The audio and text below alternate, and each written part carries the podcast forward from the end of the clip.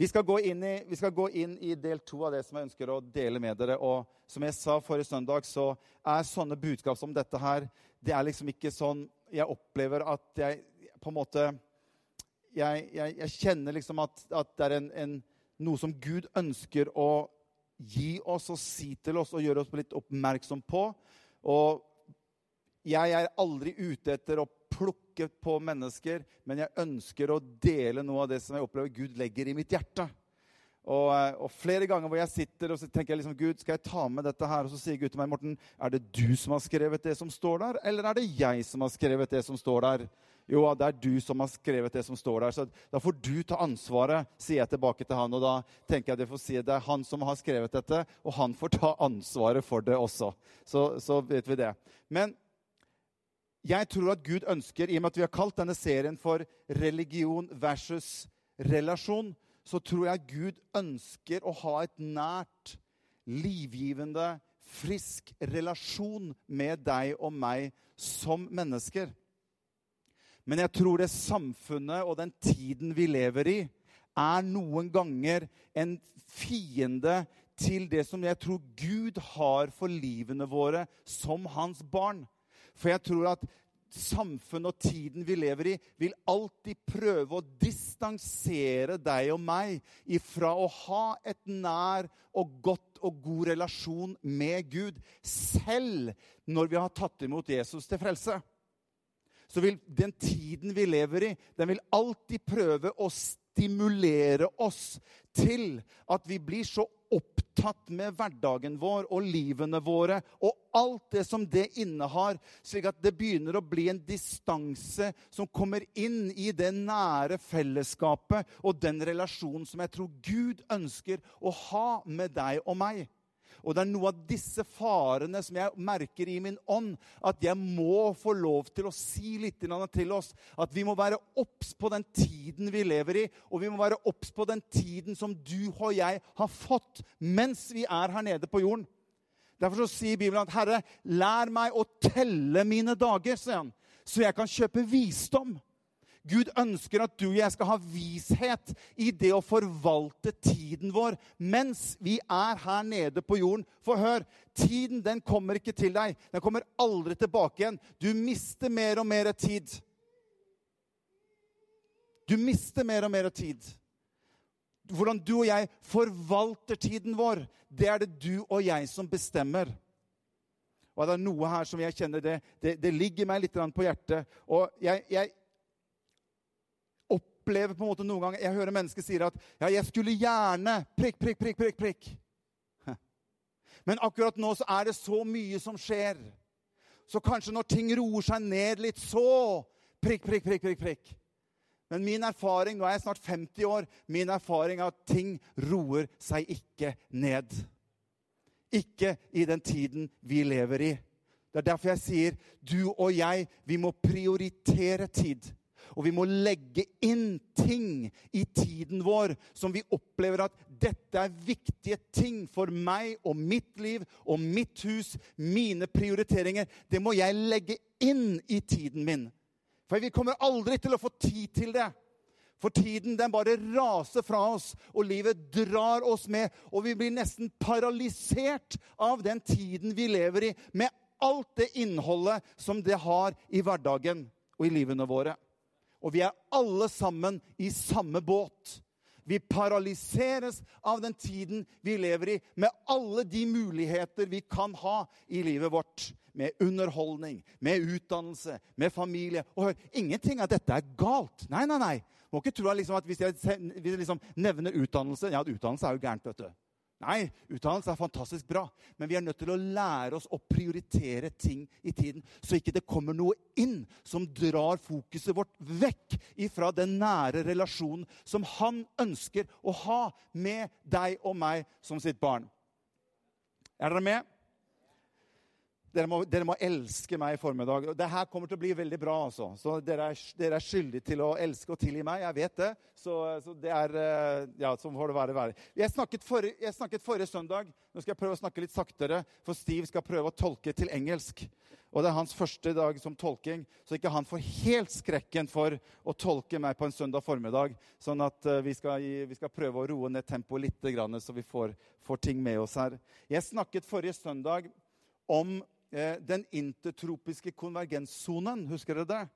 Som er et område der de nordlige breddegrader møter de sørlige breddegrader omtrent akkurat midt på ekvator. I det rommet der blir det en slags form for dødssone hvor det eksisterer ikke noe vind. Sånn at seilbåter i gamle dager som kom inn i den sonen, som ikke hadde motor, opplevde å bli stående fast i det man kaller for den intertropiske konvergenssonen. På engelsk kaller man det for doldrums. Det er et område der når båtene kom inn i den sonen, så kom de aldri ut derfra. For det var ikke noe vind til å ta tak i båten for å få den vekk derfra. Og døden var ofte utfallet av å være i den sonen med båten.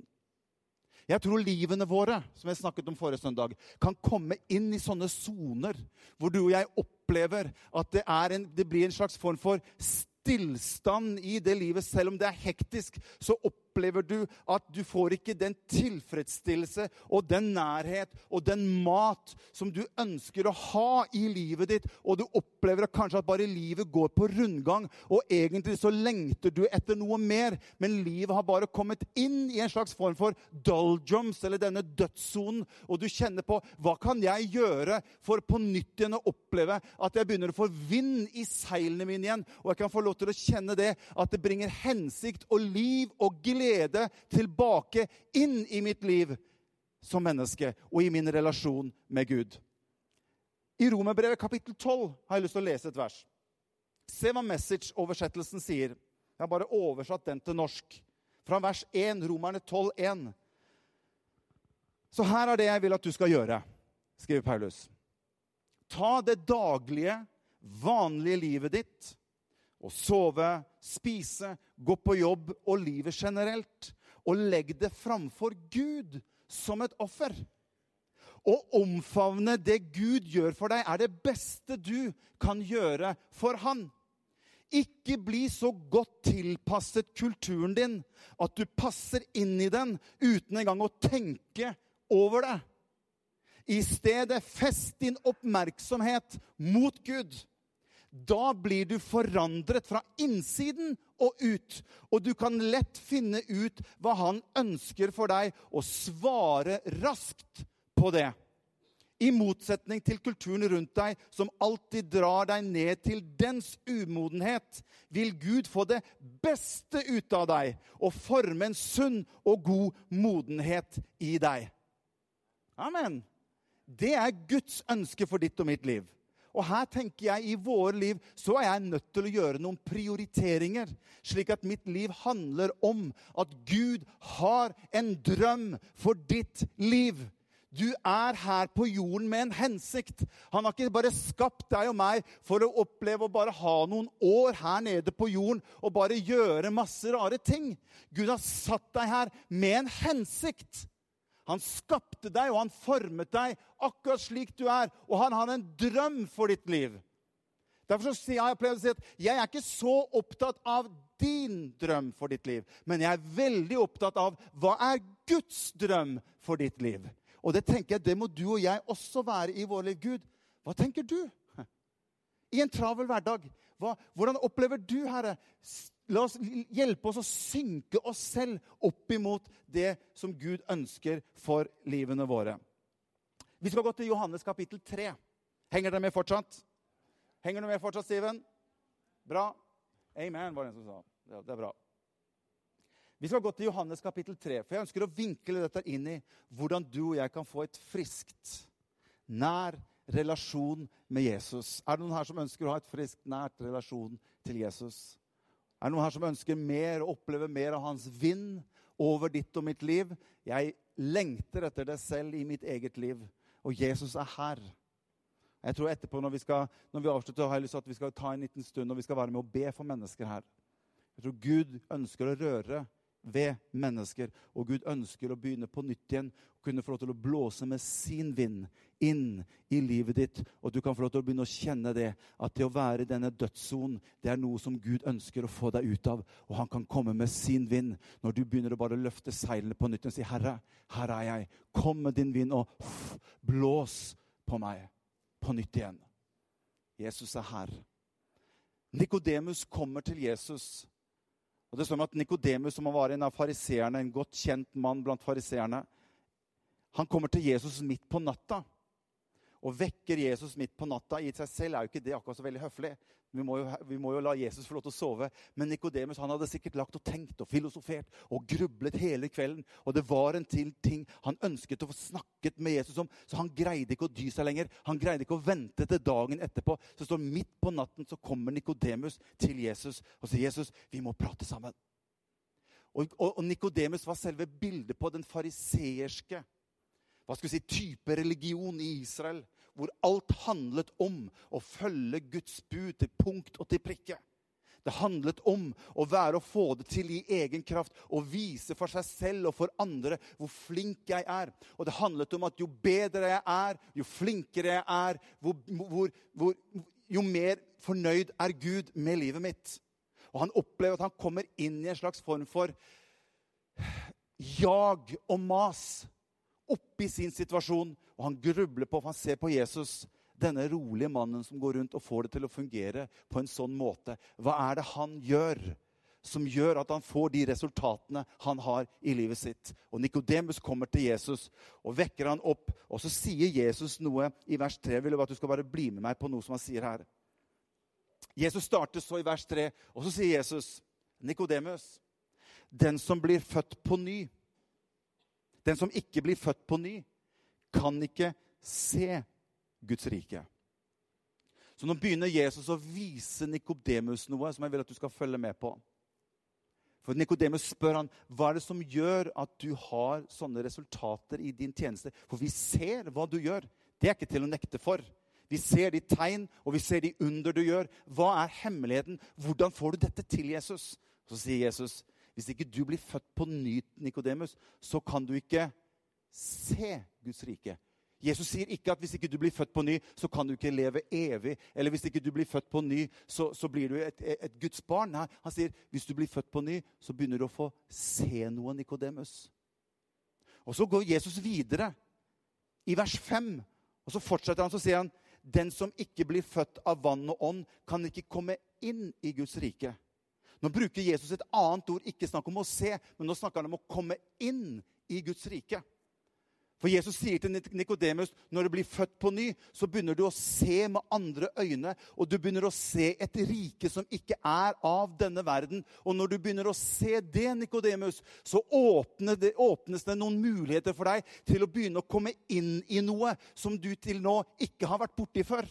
Det er et annet rike som også eksisterer, som er mer virkelig enn det rike du forholder deg til, Nikodemus. Så når du begynner å se Guds rike, så vil du kunne få begynne å komme inn i Guds rike. Og så sier Jesus etter det, så sier han til slutt Den som er født av kjøtt, er kjøtt. Men det som er født av ånden, er ånd. Undre deg ikke over at jeg sa til, til deg at dere må bli født på ny. Og så begynner Jesus å si noe som jeg syns er fantastisk oppi dette som vi har snakket om. Så sier han, 'Vinden blåser dit den vil.' Du hører den suse, men du vet ikke hvor den kommer fra, og hvor den farer hen. Og så sier han, 'Slik er det med hver den som er født av Ånden'. Så Jesus begynner å vise Nikodemus en løsning på hans utfordring. Det er at Nikodemus, når du får øyne som kan se, så begynner du å få kontakt med et rike som du kan komme inn i. Og når du begynner å komme inn i det riket, så vil du kunne få erfare at det fins en vind tilgjengelig for deg som kan blåse slik at livet ditt det kan begynne å bli navigert av en annen vind enn din egen kraft. Og det er Den hellige ånds vind i ditt liv, Nikodemus. For du har kjempet i egen kraft, Nikodemus. Du har kommet inn i rytme, du har kommet inn i ritualer. Du har kommet inn, og du prøver i din egen kraft å få det til. Men det fins en vind, Nikodemus, som du kan få adgang til når du blir født på ny. Og den vinden den kan ta tak i livet ditt, og den kan føre deg dit hvor ånden, hvor Gud ønsker at du skal bevege deg i livet ditt. Så spørsmålet mitt her til oss alle sammen i dag, det er Ror du i din båt av egen kraft, eller seiler du ved Den hellige ånds vind?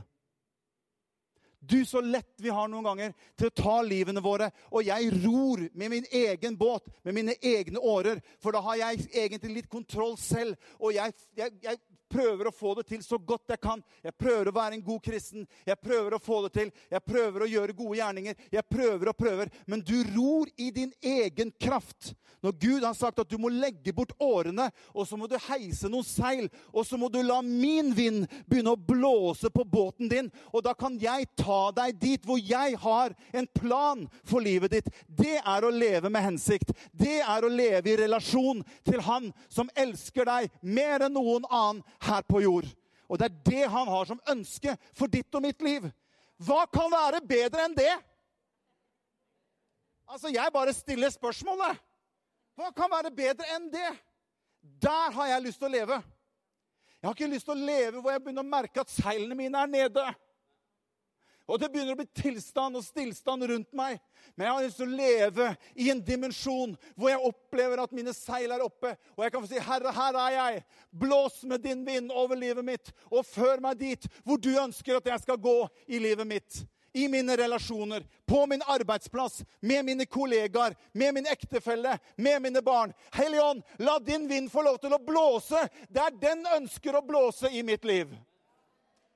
Unnskyld at jeg blir litt begeistra, men jeg kjenner at her er det et eller annet vind. Og Det er dette som ligger meg på hjertet. Det er dette som trigger meg i min ånd. Det er å få oss til å koble oss på denne dimensjonen her. Ror du i egen kraft, eller seiler du med Den hellige ånd? Derfor. Derfor tenkte jeg at jeg skulle bare dele noen punkter med dere her i formiddag for å se litt på hva kan du og jeg gjøre for å oppleve å komme inn i den vinden som Den hellige ånd ønsker at du og jeg skal komme inn. Er du med på det? Jeg har skrevet noe. Har dere fått denne lille lappen? Det er en sånn huskelapp.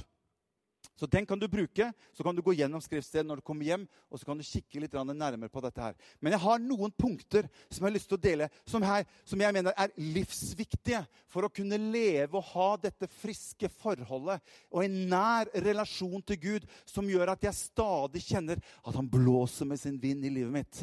Der er han igjen. Han er med sin nærhet i nærheten av meg. Jeg kjenner at han er nær meg. Jeg kjenner at han er i meg. Jeg kjenner at han ønsker å jobbe igjennom livet mitt. Jeg er i den kontakten kontakten med Gud. Og det er noen der punkter som jeg har lyst til å dele med dere. Punkt nummer én har jeg kalt for 'uten fordømmelse'. Er din relasjon med Gud drevet ut ifra din samvittighet eller fordømmelse? Og jeg ser det så klart at hvis det er noe den onde ønsker å få oss inn i, så er det å føle oss fordømt og ha dårlig samvittighet i livene våre som kristne. Og det som ofte skjer, det er at når vi føler fordømmelse eller dårlig samvittighet, så har vi en tendens til at vi trekker oss mer vekk ifra Gud. Fordi at vi i utgangspunktet føler oss litt fordømt. Vi føler at vi har litt dårlig samvittighet for et eller annet. Og hør, den onde vil alltid prøve å trekke deg vekk ifra Gud. Og han ønsker å få deg til å føle deg dårlig, syndig, gal, dårlig samvittighet osv., osv., osv. Og hør Når jeg har tatt imot Jesus, så er det ingen garanti for at jeg ikke kommer til å gjøre noe galt i livet mitt. Da er jeg jo perfekt. Men hør, det er jo derfor jeg trenger Guds nåde i mitt liv. Hvis ikke jeg hadde trengt Guds nåde i mitt liv, da hadde jeg ikke trengt Gud heller. Men det han ikke ønsker at jeg skal leve innunder, det er å ha dårlig samvittighet og føle meg fordømt i mitt hjerte. Hør, uansett hva du og jeg har gjort. Og jeg vil si en ting til deg. Veien for å leve et friskt, et rent liv sammen med Jesus er ikke å trekke seg vekk når du opplever at du ikke strakk til, eller du gjorde ting som var galt, eller du, du bommet på nytt igjen, og du lovte deg selv at det her skal jeg aldri gjøre mer, dette skal jeg aldri se på mer, og så trekker du deg bort for du føler deg fordømt. Og Jesus sier, 'Jeg ønsker at du skal trekke nærmere meg.' For løsningen for ditt og mitt liv er aldri å trekke oss på avstand, men å komme nærmere Han. Men hvis jeg føler meg fordømt, så trekker jeg meg automatisk unna. Men det er derfor Paulus er så klinkende klar i Romerbrevet kapittel 8 vers 1-2. Så sier han derfor er det ingen fordømmelse for den som er i Kristus Jesus. Hvor mange er ingen? Det er null. Det er ingen. Det finnes ingen fordømmer. Ja, men hvis jeg har gjort noe galt, da? Ja, da har du gjort noe galt. Men Gud fordømmer deg ikke. Og det er så stor forskjell på det å føle at man har gjort noe galt. Hør, når jeg opplever at jeg har gjort noe galt, og hør, pastoren gjør gale ting Nå ble jeg sjokka nå. Det er ikke nå du skal gå ut. altså Nå må du bli sittende i hvert fall litt til. Men jeg bare kjenner i mitt eget liv at hvis jeg skal gå og kjenne på fordømmelse, så minsker det min, min relasjon med Jesus. Men jeg kan, noen ganger si Morten, det er ingen fordømmelse når du er i Jesus Kristus. Og hør, den dimensjonen der gjør noe i mitt hjerte og i mitt ånd som gjør at jeg føler meg at jeg kommer nærmere Han. Og hør, og i neste runde så opplever jeg at jeg fikk seier i stedet for nederlag. Amen. Det er det livet uten fordømmelse er den eneste veien for deg og meg til å kunne leve et rent og hellig liv som han ønsker at du og jeg skal leve, ikke i fordømmelse. Men det var det Nikodemus kjente. Han kjente han levde konstant i fordømmelse. Og når de fariseerne står og ber, så ber de og takker Gud. Kan du tenke deg, Når du og jeg går i egen kraft, så står fariseerne, og Jesus sier disse fariseerne, når de ber, så ber de 'Takk Gud for at jeg ikke er som de andre menneskene' som er så dårlig og som gjør så mye galt. Takk Gud for at ikke jeg er en av de. Og Jesus sa, slikt liker jeg ikke i det hele tatt. Men den som er ydmyk av hjerte og sier, 'Herre, jeg trenger din tilgivelse over livet mitt.' 'Jeg trenger din nåde over livet mitt.' 'Jeg trenger at du er den som støtter meg. Du er den som løfter meg om.' 'Og om jeg faller, vet du hva det står, så reiser jeg meg opp igjen, og så går jeg videre.' Og du greier ikke å reise deg opp hvis du føler deg fordømt og har dårlig samvittighet. Da har vi som mennesker en tendens til at vi blir bare liggende nede. For vi bare venter på neste runde som det blir et nederlag på nytt igjen. Og istedenfor at jeg skal prøve å reise meg opp, så blir jeg liggende nede. Og jeg føler meg fordømt i mitt hjerte. Men det finnes ingen fordømmelse for den som har Jesus i hjertet. Vit det. Derfor så står det så fantastisk i message-oversettelsen. Da står det i og med at Jesus, Messias, har kommet, er dette håpløse dilemmaet løst. De som nå er i Kristus, som var her for oss. Han var prøvet i likhet med oss. Det er ikke det som står her. Det var en som jeg bare la inn som, som bonus i, i, i skriftstedet her. Trenger ikke lenger å leve under en tung, mørk sky. Så står det en ny kraft er operativ åndens liv i Kristus, den er som en sterk vind. Ser du hva som kommer? Vinden kommer. Den er som en sterk vind som har blåst vekk alle mørke skyer og satt oss fri fra livslangt tyranni under synd og død. Det er livet sammen med Jesus. Han har tatt bort den fordømmelsens mulighet som den onde hadde for deg og meg i mitt liv. Han har tatt den bort, og vi kan få lov til å leve innunder hans åpne himmel, hvor hans blå himmel alltid hviler over oss. Hør, det kommer ikke en sånn mørk sky mellom deg og Gud hvis du og jeg har gjort noe galt, og du bare merker Oi, nå er det grått. Nå er det ordentlig grått. Ja, for jeg veit jo hvorfor. Fordi jeg gjorde noe som var galt. Og så kjenner man at man lever under den skyen. Nei, hans sol den skinner alltid på deg med en mulighet for deg til å trekke nærmere han. Og han kjenner deg og meg. Han vet om deg og meg. Han vet hva som er utfordringer og vanskeligheter i livene våre. Tro ikke at han ikke kjenner på. Han var her nede. Han var menneske i likhet med oss. Han ble prøvd, står det, i alt. I alt, står det. Han vet åssen det er å være deg og meg. Men når jeg kan være åpen med han og si, 'Herre, dette syns jeg er utfordrende.' Dette syns jeg er vanskelig, men jeg ønsker likevel å leve nær til deg, Jesus. Så sier han, om du holder deg nær til meg, så skal jeg holde meg nær til deg. Om du holder deg nær til meg, så skal jeg jammen holde meg nær til deg. Amen. Punkt nummer to. Tiden går. Jeg har et punkt der som heter vennskap med Gud. Og jeg synes det her er fantastisk. Vi har veldig mange relasjoner med Gud. Hvordan Gud på en måte er for livet vårt. Og den relasjonen du og jeg har med Gud, hør, det er den viktigste relasjonen vi har i livet vårt. Jeg vet ikke åssen forhold du har til Gud, hvordan du ser på Gud. Er han din far, eller er han, er han den allmektige der oppe? Er han, er han helbrederen, eller er han dommeren vår? Eller er han den rettferdige, eller vår frelser? Hvordan ser du på Gud? Men det er utrolig interessant å lese i Bibelen hvordan Gud ønsker å ha et forhold til deg og meg.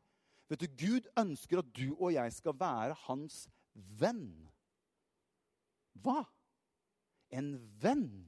Nei, vi, må, vi, vi, kan ikke Nei, det blir for det blir for enkelt.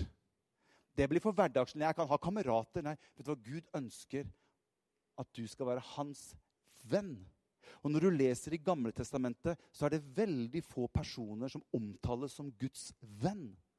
Abraham blir omtalt som Guds venn. Moses blir opptalt som Guds venn. David blir omtalt som Guds venn. Eh, Enok blir omtalt som Guds venn. Det er kanskje bare en håndfull mennesker i Det gamle testamentet som omtales som Guds venn. Men se hva som står i Romerbrevet kapittel 5 og vers 10. Og Hvordan kan det være mulig at Gud ønsker å ha meg som sin venn? Hva, hva, hva er det han ønsker? Se hva som står i Romer 5, vers 10.: Siden vårt vennskap ble gjenopprettet ved hans sønns død, mens vi enda var hans fiender, vil vi desto mer bli frelst ved hans sønns liv. Så nå kan vi glede oss i vår nye relasjon med Gud, fordi Jesus Kristus har oss til Guds venner. Fantastisk. Se hva som står i Johannes kapittel 15 og vers 15. Der er Jesus som sier, 'Jeg kaller dere ikke lenger tjenere.' 'Jeg kaller dere venner', sier Jesus. Det er så sterkt at en tjener er en som må gjøre noe for at den andre skal på en måte bli og akseptere at du er en tjener. Da hviler det på meg, men et vennskap er noe helt annet. Og det er det Gud ønsker for ditt og mitt liv. Henger det med? Neste punkt ikke gå alene, har jeg satt opp her. Ikke lev kristenlivet ditt alene. Du og jeg er ikke skapt for å leve kristenlivet vårt alene, på utsiden av alt. Har, Gud har skapt oss til å leve i fellesskap med hverandre som brødre og søsken. Brødre og søsken. Brødre og søstre er mer riktig. Det er ikke alltid det. Jeg, altså, jeg har jo krangla litt på hjemmebane. Med, brød, med, ikke brødrene mine, det fikk jeg aldri sjanse til. Men med søstrene mine. Det er jo av og til at ikke det er sånn, helt sånn smerte. Altså. Men likevel så er vi brødre og søstre. Og Gud har skapt oss til å leve i fellesskap med hverandre. Og det er det som Rune snakket om, dette med life-grupper. er utrolig viktig. Hebreerne 10, 10, 25, der står det La oss ikke holde oss borte når menigheten vår samles, som noen har for vane. Og jeg, når, jeg, når jeg tok opp det skriftstedet, sa jeg Gud, kan jeg ikke kutte ut bare den første delen? For jeg er pastor, og jeg blir sånn der, jeg blir masete på folka. For de, de, tenker at ja, han vil at vi skal gå på gudstjeneste på søndager. Og så sier Gud til meg, Morten, det er ikke du som har skrevet den bibelen her, det er jeg som har skrevet den bibelen her. Og jeg står for det, sa Gud. Så jeg, jeg dere må, bare, dere må bare, ta han på ordet. Altså, jeg, jeg, dere får bare ta, ta, det med han, ikke med meg. Jeg tror at vi skal komme så ofte vi kan på gudstjeneste. For du og jeg trenger å være sammen med andre troende i dette fellesskapet. Og se hverandre, være sammen, kjenne styrken av å kunne stå sammen som kristen. Det tror jeg er utrolig viktig. Så står det la oss heller oppmuntre hverandre, og det er så mye mer som dere ser at dagen nærmer seg. Og Derfor så står det i 2. Timoteus kapittel 1 og vers 16. må Herren ta seg av det her. Paulus som sier til Timoteus. Han, han, snakker om en, en, fyr Jeg vet ikke helt hvordan jeg skal uttale navnet hans engang. Må Herren ta seg av familien til Onesiforos. Onesiforos. Oneseriforos. Altså, det er mange måter du kan si det navnet på. Og det er ingen her som vet 100 hvordan man uttaler det navnet. Jeg har nok utfordring for å finne ut av hvordan Hedin sier navnet sitt. For der har det også mange forskjellige. Vi gikk litt gjennom det i går kveld. Hedin eller Hedin eller sånt.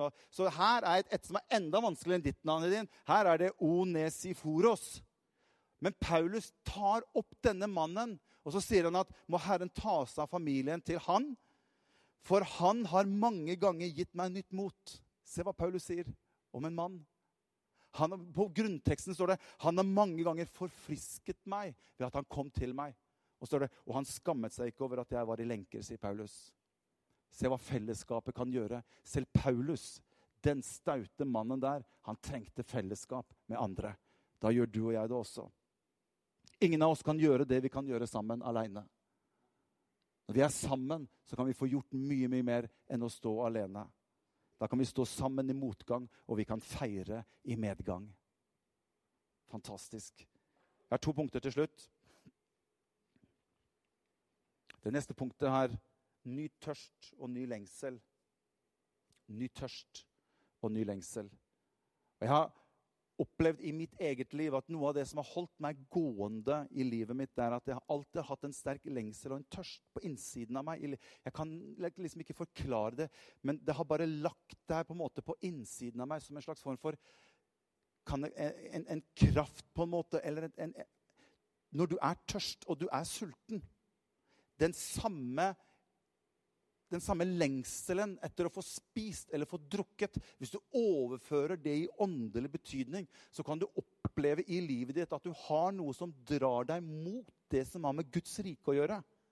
Og Det er det det betyr å ha en åndelig tørst og en åndelig lengsel i livet. Og jeg har hatt det siden jeg var liten gutt siden Gud kom og møtte meg på gutterommet. Når jeg lå der og jeg opplever at Guds ånd med sin vind begynte å komme inn på det gutterommet hvor jeg lå og skulle sove. Og jeg merket at det var et eller annet som bare fylte det rommet med en atmosfære som var ut over meg selv. Og jeg kjente at noe var i luften. Og det gjorde at jeg bare begynte å gråte. Og jeg kjente at dette berører meg på dypet av mitt hjerte. Og siden det så har jeg hatt en lengsel og en tørst etter etter det som har med Guds rike å gjøre, etter det som har med hans nærhet å gjøre. Derfor så elsker jeg å være i Guds nærhet. Jeg søker etter det som har med hans nærhet å gjøre. Og jeg trenger ikke å gjøre det som en plikt, men jeg gjør det ut ifra en tørst og en lengsel som bare ligger på innsiden i livet mitt. Og hør, jeg tror alle kristne skal ha det i livene sine. Det er naturlig at det ligger en lengsel og en tørst i livet. Men hvis det blir for lang avstand ifra deg og Gud, så begynner noe av den lengselen og den tørsten den begynner å bli mindre og mindre, og den ebber mer og mer ut. Jeg, jeg har ikke dette på, på, på, skjermen, men i Salme 42 vers 3 så står det Min sjel tørster etter Gud, etter den levende Gud. Når kan jeg komme og tre fram for hans ansikt, sier David. Han hadde en lengsel etter å få komme og tre fram for Guds ansikt. Kan ikke du komme opp og spille litt, Frode, så skal vi gå mot avslutning? Hvordan står det til med din lengsel i ditt liv? Hvordan står det til med din tørst? Tørster du? Lengter du etter mer av Gud i ditt liv? Hvordan står det til? Hvordan står det til? Går det bare på det jevne. Og du begynner å oppleve at denne tørsten og den lengselen begynner å bli mindre og mindre av. Som jeg en gang kanskje hadde i livet mitt. Lengsel og tørst er også noe som du og jeg er nødt til å vedlikeholde i livet vårt. At jeg alltid forholder meg, at jeg ønsker å være sulten på mer ifra Gud i mitt liv. Derfor sier Paulus og Timoteus, 'Tenn på nytt igjen', sier han. Tenn på nytt igjen det du hadde i livet ditt, Timoteus. Tenn på nytt igjen den nådegave du fikk da vi la hendene på deg. Så det går an å miste noe, men det går an å tenne på nytt noe også. Og Jeg tror Jesus er her i formiddag for å være med å tenne på nytt igjen noe i ditt liv.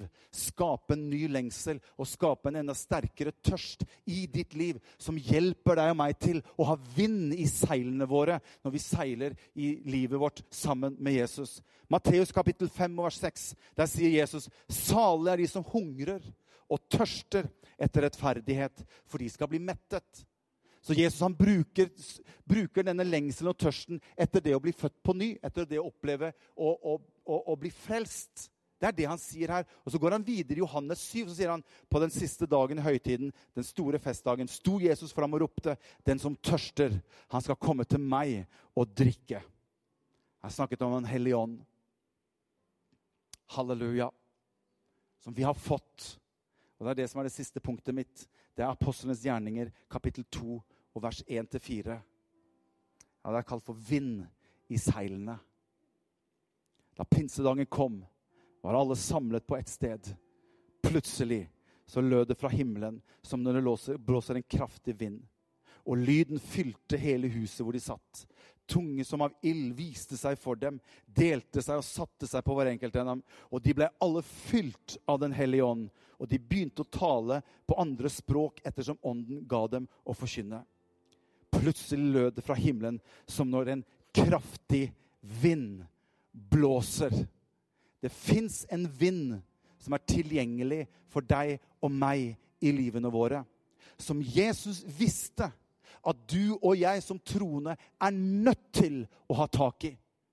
Det er derfor Jesus sa at det er det beste for dere at jeg går bort. For Hvis ikke jeg går bort, så kommer ikke Den hellige ånd. Det er han som har vinden. Det er han som er den som gjør at du og jeg kan leve det livet han ønsker her på jorden. Hvis ikke så har vi ikke kjangs. Uten Den hellige ånds vind så har ikke vi kjangs til å leve det livet han ønsker her på jorden. Det er selve utgangspunktet for å leve her på jorden. Det livet han ønsker at vi skal leve. Han kom, og han fylte mennesker med sin kraft. Og det gjorde at de begynte å oppleve en annen vind som kom inn i denne dødssonen. Og så flyttet han dem vekk ifra den sonen og ut. Og han blåste med sin vind i seilene deres. Kan vi ikke reise oss opp, alle sammen? Halleluja. Halleluja. Du vet at når vi er i USA og kjører rundt, og så er vi på noen forskjellige sånne fastfood og, og, og, restauranter også. Noe av det som jeg syns er kulest, det er at det er gratis påfyll. Det er gratis påfyll. Du får bare en kopp, og så står den automaten den bare står ute tilgjengelig. Og det, det, spiller ingen rolle hvor, hvor, mye penger du har, eller hvilken status du har. Alle liker når de vet at det er gratis påfyll. Men sånn er det med Den hellige ånd også. Vet du hva? Det fins gratis påfyll fra Den hellige ånd. Han ønsker å fylle deg på nytt igjen med sin kraft. Han ønsker å fylle deg på nytt igjen med vind inn i ditt liv. Og du og jeg, vi trenger den vinden i livene våre. Halleluja. Vi skal synge litt sammen. Vi skal bare synge helt rolig bak her, og så har jeg lyst til Det er mennesker som ønsker å bli bedt for men hun ønsker at vi skal legge våre hender på deg, være med å velsigne deg, være med å forløse noe av denne kraften, denne vinden på nytt